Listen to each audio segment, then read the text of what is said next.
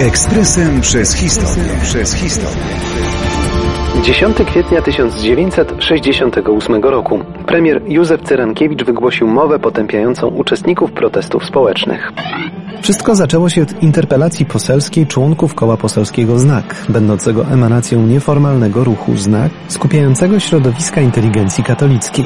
Komuniści traktowali najczęściej samoistnienie koła poselskiego Znak jako swoisty listek figowy.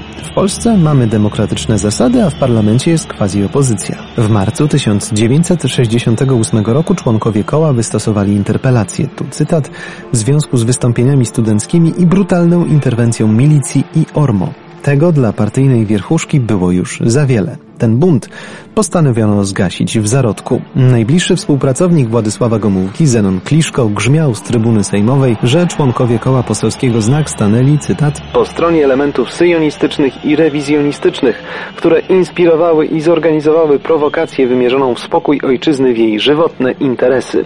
Jeden z czołowych przedstawicieli znaku, Jerzy Zawiejski, nie ugiął się jednak, upominając się nie tylko o studentów, ale także o Stefana Kisielewskiego, pobitego przez tak zwanych nieznanych sprawców. Premier Józef Cyrankiewicz tego samego dnia co Kliszko wygłosił w Sejmie mowę, w której potępił wszelkie przejawy myśli opozycyjnej. My prowadzimy walkę ze wszystkimi agenturami imperializmu, w tym tak mocną agenturą syjonistyczną.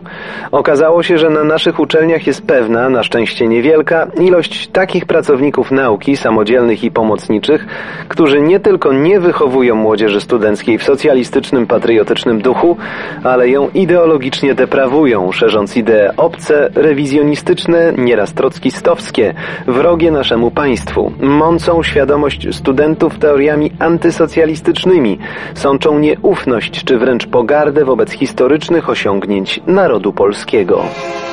Ekspresem przez historię. Przez historię.